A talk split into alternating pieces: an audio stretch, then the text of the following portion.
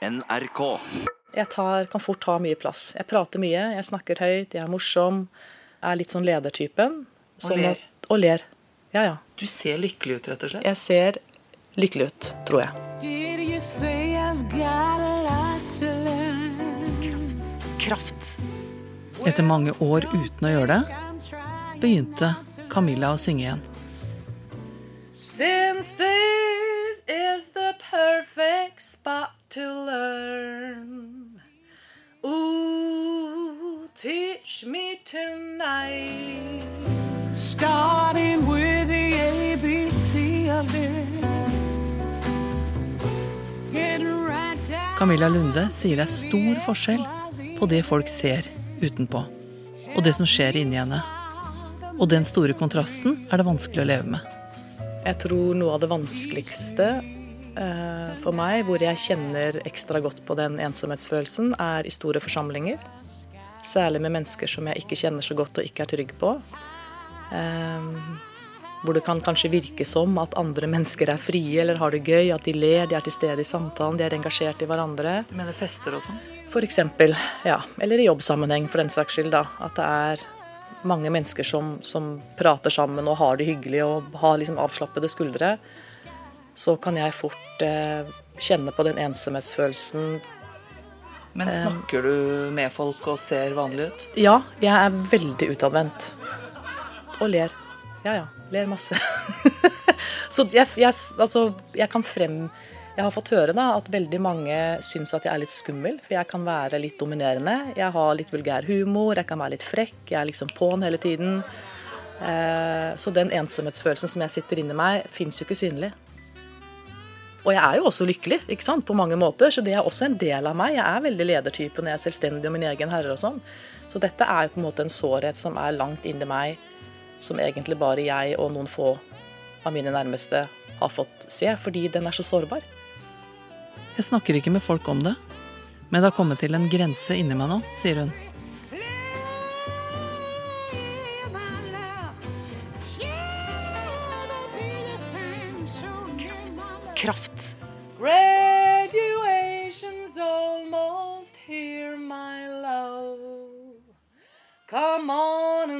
And teach me tonight.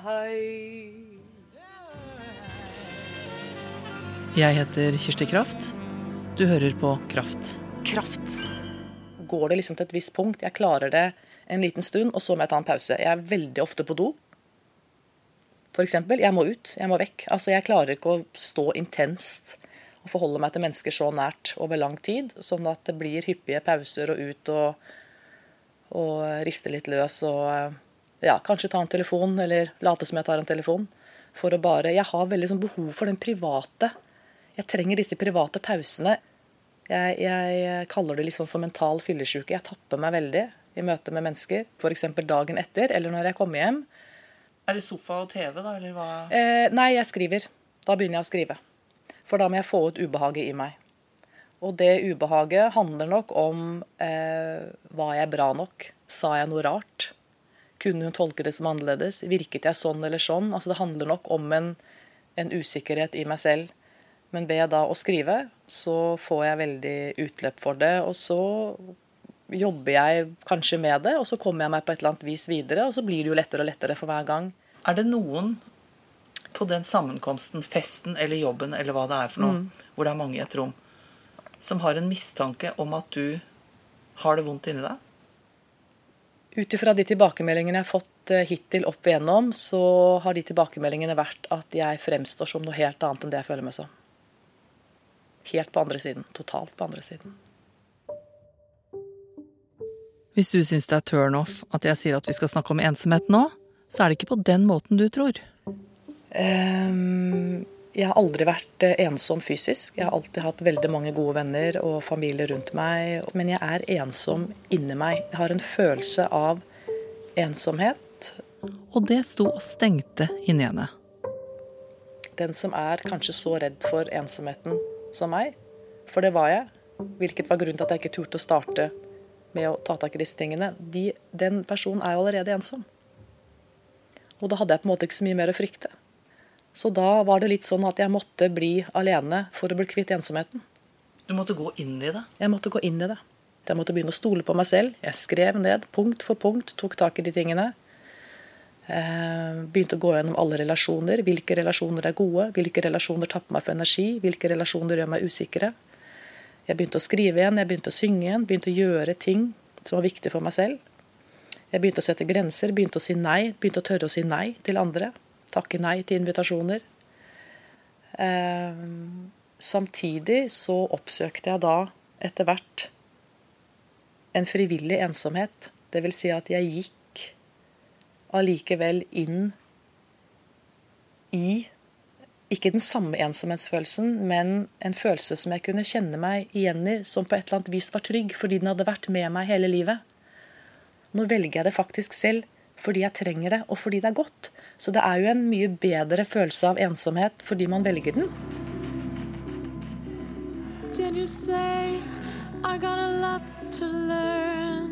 Og nå forbereder Camilla faktisk en forestilling på Oslo Nye om akkurat dette.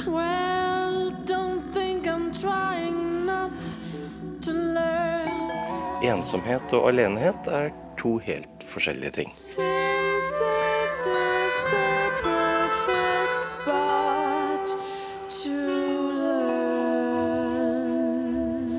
Du kan være omgitt av en eh, hel masse mennesker og være ensom både på den gode den, eller den dårlige måten. Og du kan være mutters aleine og verken finne den gode eller den dårlige ensomheten. Så de er helt uh, uavhengige av hverandre. Alenehet sier jo bare noe om hvor mange mennesker du har rundt deg. Nemlig ingen andre.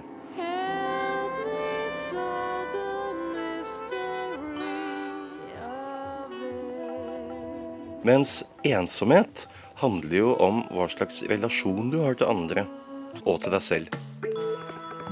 Lars Svendsen er filosof og elsker selvvalgt ensomhet.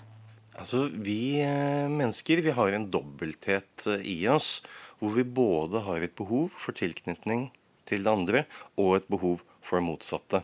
Det er det fenomenet som tyske filosofen Immanuel Kant omtalte som menneskets asosiale sosialitet.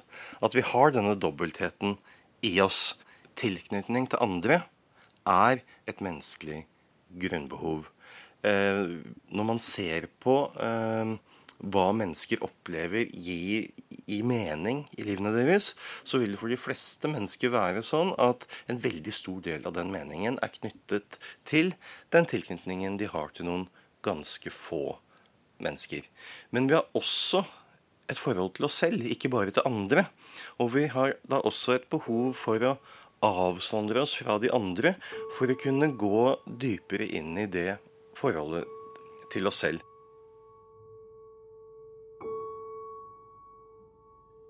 Noen mennesker de er da mer i den sosiale enden, eh, og andre mennesker er mer i den enden hvor de eh, trenger eh, mer av tid og rom til å utforske dette forholdet til, eh, til en selv.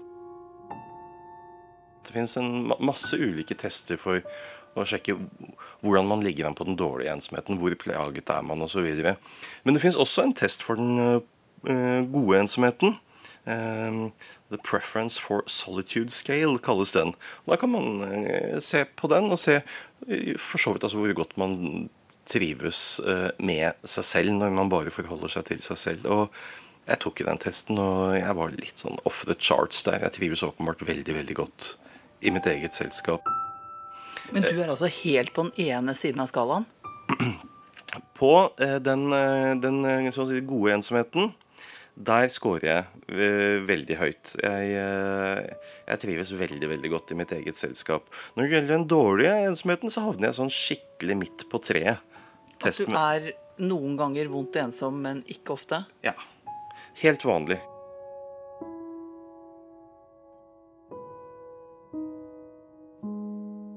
Og så kan vi jo spørre oss da, hva er det som skiller den gode fra den dårlige ensomheten?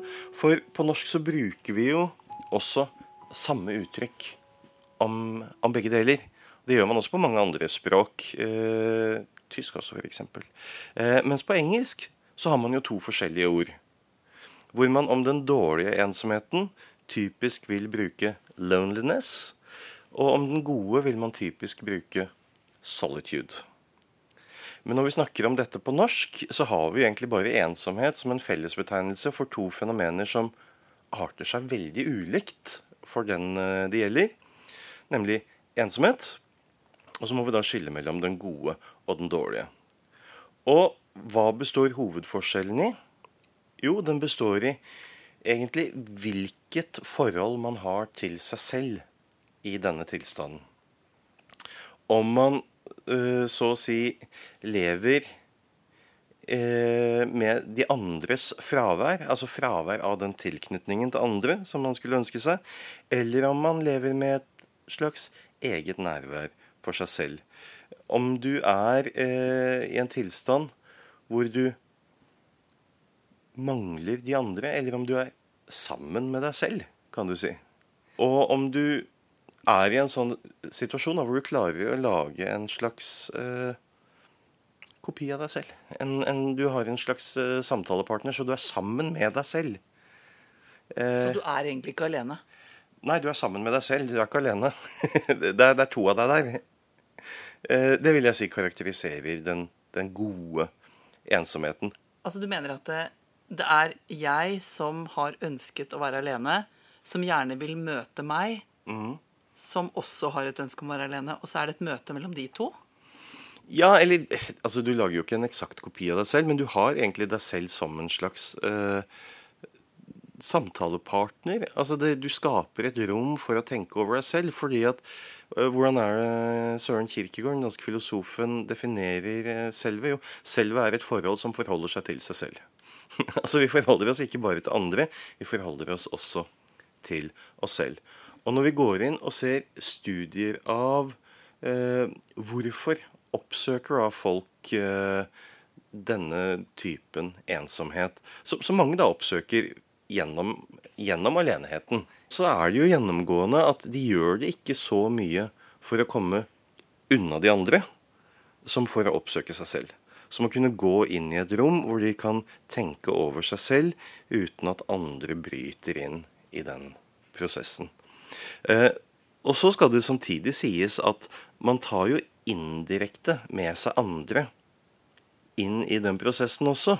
Fordi at man kan jo også bruke det rommet her til å tenke over ens forhold til andre. Og det vil man jo ofte gjøre. Og sånn sett så er ikke dette nødvendigvis en så kompromissløst asosial aktivitet som det umiddelbart kan virke som.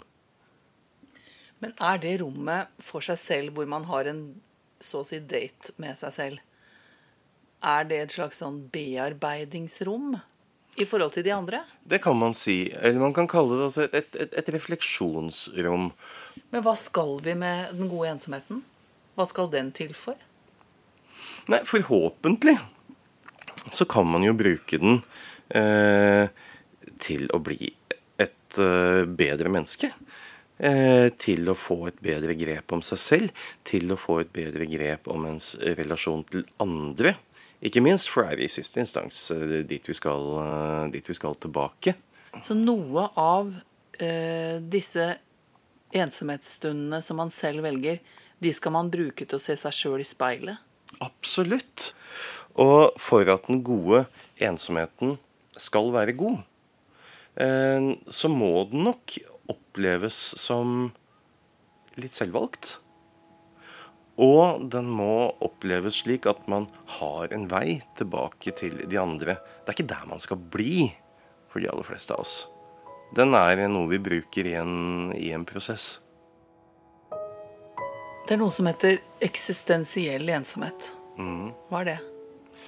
Som eksistensiell ensomhet så, så menes jo ofte dette at vi alle er dømt til å være ensomme. At vi fødes ensomme. Eh, vi dør ensomme. Vi lever ensomme, osv. osv. At det er en slags uoverskridelig avstand mellom oss selv og alle andre. Og i en forstand så er det er, er et poeng der, altså. Altså, jeg er til stede i min bevissthet på en annen måte enn jeg kan være til stede i noen som helst andres bevissthet. Det er en avstand der. Og i den forstand så kan vi si at en type ensomhet er en slags eksistensiell grunnbetingelse i livene våre. Men, og det er et stort men, men vi kan jo også være tilknyttet andre på så mange og fantastiske måter. Faktisk, altså Når vi ser på livene våre, så er jo livene våre sammenvevd med andres liv. Fra vi fødes. Fra før vi fødes. Gjennom livet og til vi går i graven. Hvor vi filtres sammen med andre, og noen tråder løses av, noen nye tråder knyttes. Eh, sånn er livene våre. Vi er sosiale vesener. Og noe av grunnen til at f.eks. kjærlighet, det å ha noen å være tilknyttet på den måten, vennskap, familie osv., at dette er så viktig for oss, er jo at det er noe av det nærmeste vi kommer å overskride denne eksistensielle ensomheten. Men den eksistensielle ensomheten, er ikke det at jeg nå prøver å snakke med deg og sette ord på hva jeg tenker, og du sitter og sier mm, og prøver å forstå. Men vi sitter på hver vår stol med hver våre kropper og hoder, og det er ikke sikkert du skjønner en dritt av hva jeg sier, egentlig, eller kanskje du tenker på noe annet. Det er fullt mulig, men det er en ganske dårlig hypotese å leve livet sitt eh, ut fra. Fordi når vi snakker sammen nå, så ikke bare hører jeg ordene dine, jeg ser også en mimikk. Og jeg vil jo si at i det store og det hele så er ikke din bevissthet noe som er fullstendig skjult. Den ligger åpent i dagen. Jeg ser din bevissthet. Selvsagt så kommer vi ikke med noen garanti. Vi feiltolker hverandre støtt og stadig. Men det er en annen måte å se det på også. At liksom, jeg sitter her nå inni mitt hode, og så former jeg lyder med munnen min, og så blir det nesten sånn Hallo! Skjønner du hvordan jeg har det her inni hodet mitt? Jeg har liksom bare en munn hvor det der budskapet mitt stikker ut, og så er det masse greier inni hodet som du ikke ser. Det er litt sånn ensom tanke. Hallo, Lars! Hører du hva jeg sier? Som, som jeg sa, altså jeg kan selvfølgelig ikke være til stede i din bevissthet på samme måte som du kan være til stede i din bevissthet. Men stort sett så har vi denne umiddelbarheten i utvekslingen mellom oss, hvor vi føler at andre øh, stort sett forstår hva vi sier, forstår hvordan vi har det. Vi reagerer på mimikk. Du ser om andre er glade, eller om de er triste. Det vet du stort sett.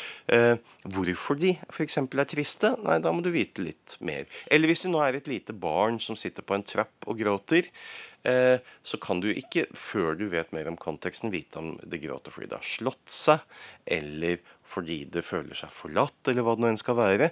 Men du har en umiddelbar erkjennelse av at dette barnet har det vondt. Så vi, vi har denne umiddelbarheten. Og umiddelbarhet er et viktig fenomen her. Si det er et rom med 100 mennesker, og så skal jeg gå inn i det rommet der sånn, og så kan jeg stille dem ett eneste spørsmål. Selvsagt ikke er du ensom, men jeg kan stille dem et annet spørsmål. Og etter å ha hørt svaret på det spørsmålet, så skal jeg gjette hvem det er som plages av ensomhet i det rommet, og hvem det er som ikke plages. Det spørsmålet jeg da ville stilt er i hvor stor utstrekning føler du at andre mennesker stort sett er til å stole på? Og de som hadde svart ja, i veldig stor utstrekning, de som har en eh, høy grad av det som kalles generalisert tillit, de mener at andre mennesker stort sett er til å stole på, de ville på, som gruppe hatt lave ensomhetsnivåer. Og de som har lite tillit til andre, de ville hatt høye ensomhetsnivåer. Tilliten muliggjør en umiddelbarhet i relasjon til andre. Mens hvis du møter andre med mistillit, derimot, så ligger det allerede en avstand der som vanskeliggjør en sånn type umiddelbarhet. Og den umiddelbarheten er veldig viktig for å føle at man har en tilknytning til andre.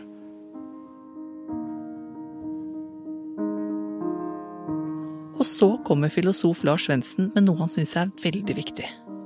Vår tids største ensomhetsproblem er neppe at det er blitt så mye mer av den dårlige ensomheten. For det er ikke blitt mer av den dårlige ensomheten. Det er ikke flere ensomme enn før. De ensomme er ikke mer ensomme enn før. Og Norge har blant klodens laveste nivåer av den dårlige ensomheten. Så det er ikke der problemet ligger. Problemet ligger kanskje heller i at det er blitt så lite av den gode ensomheten. Vi er blitt så utrolig gode til å fylle de tomrommene der den tidligere kunne ha utspilt seg. Hvis du f.eks. nå er stuck på en togperrong fordi du bomma på et tog, du venter på en buss, du er på en flyplass Altså disse hullene i tiden. Som egentlig er gavepakker. Fordi det, det er uh, rom du kan bruke til faktisk å tenke litt over livet du lever, forholdet ditt til andre osv. De er jo noe vi fyller så lett. Ikke minst fordi vi alle går rundt med smarttelefoner, ikke sant. Og så er vi plutselig midt ute i den store sosialiteten. Så vi har lukket ganske mange av de tomrommene der den gode ensomheten kunne ha øh, utspilt seg. Kraft. Er du nysgjerrig på den gode ensomheten? Da må du sette på lydløs, trekke deg unna de andre og gi deg selv den hele og fulle oppmerksomhet. Det er krevende, men det anbefales. Kraft. Kraftredaksjonen syns det er moro å få mail fra dere, og noen ganger så blir det podkaster av sånt. Adressen er kraft, krøllalfa, nrk.no. Konsulent er Hege Dahl, og mitt navn er Kirsti Kraft.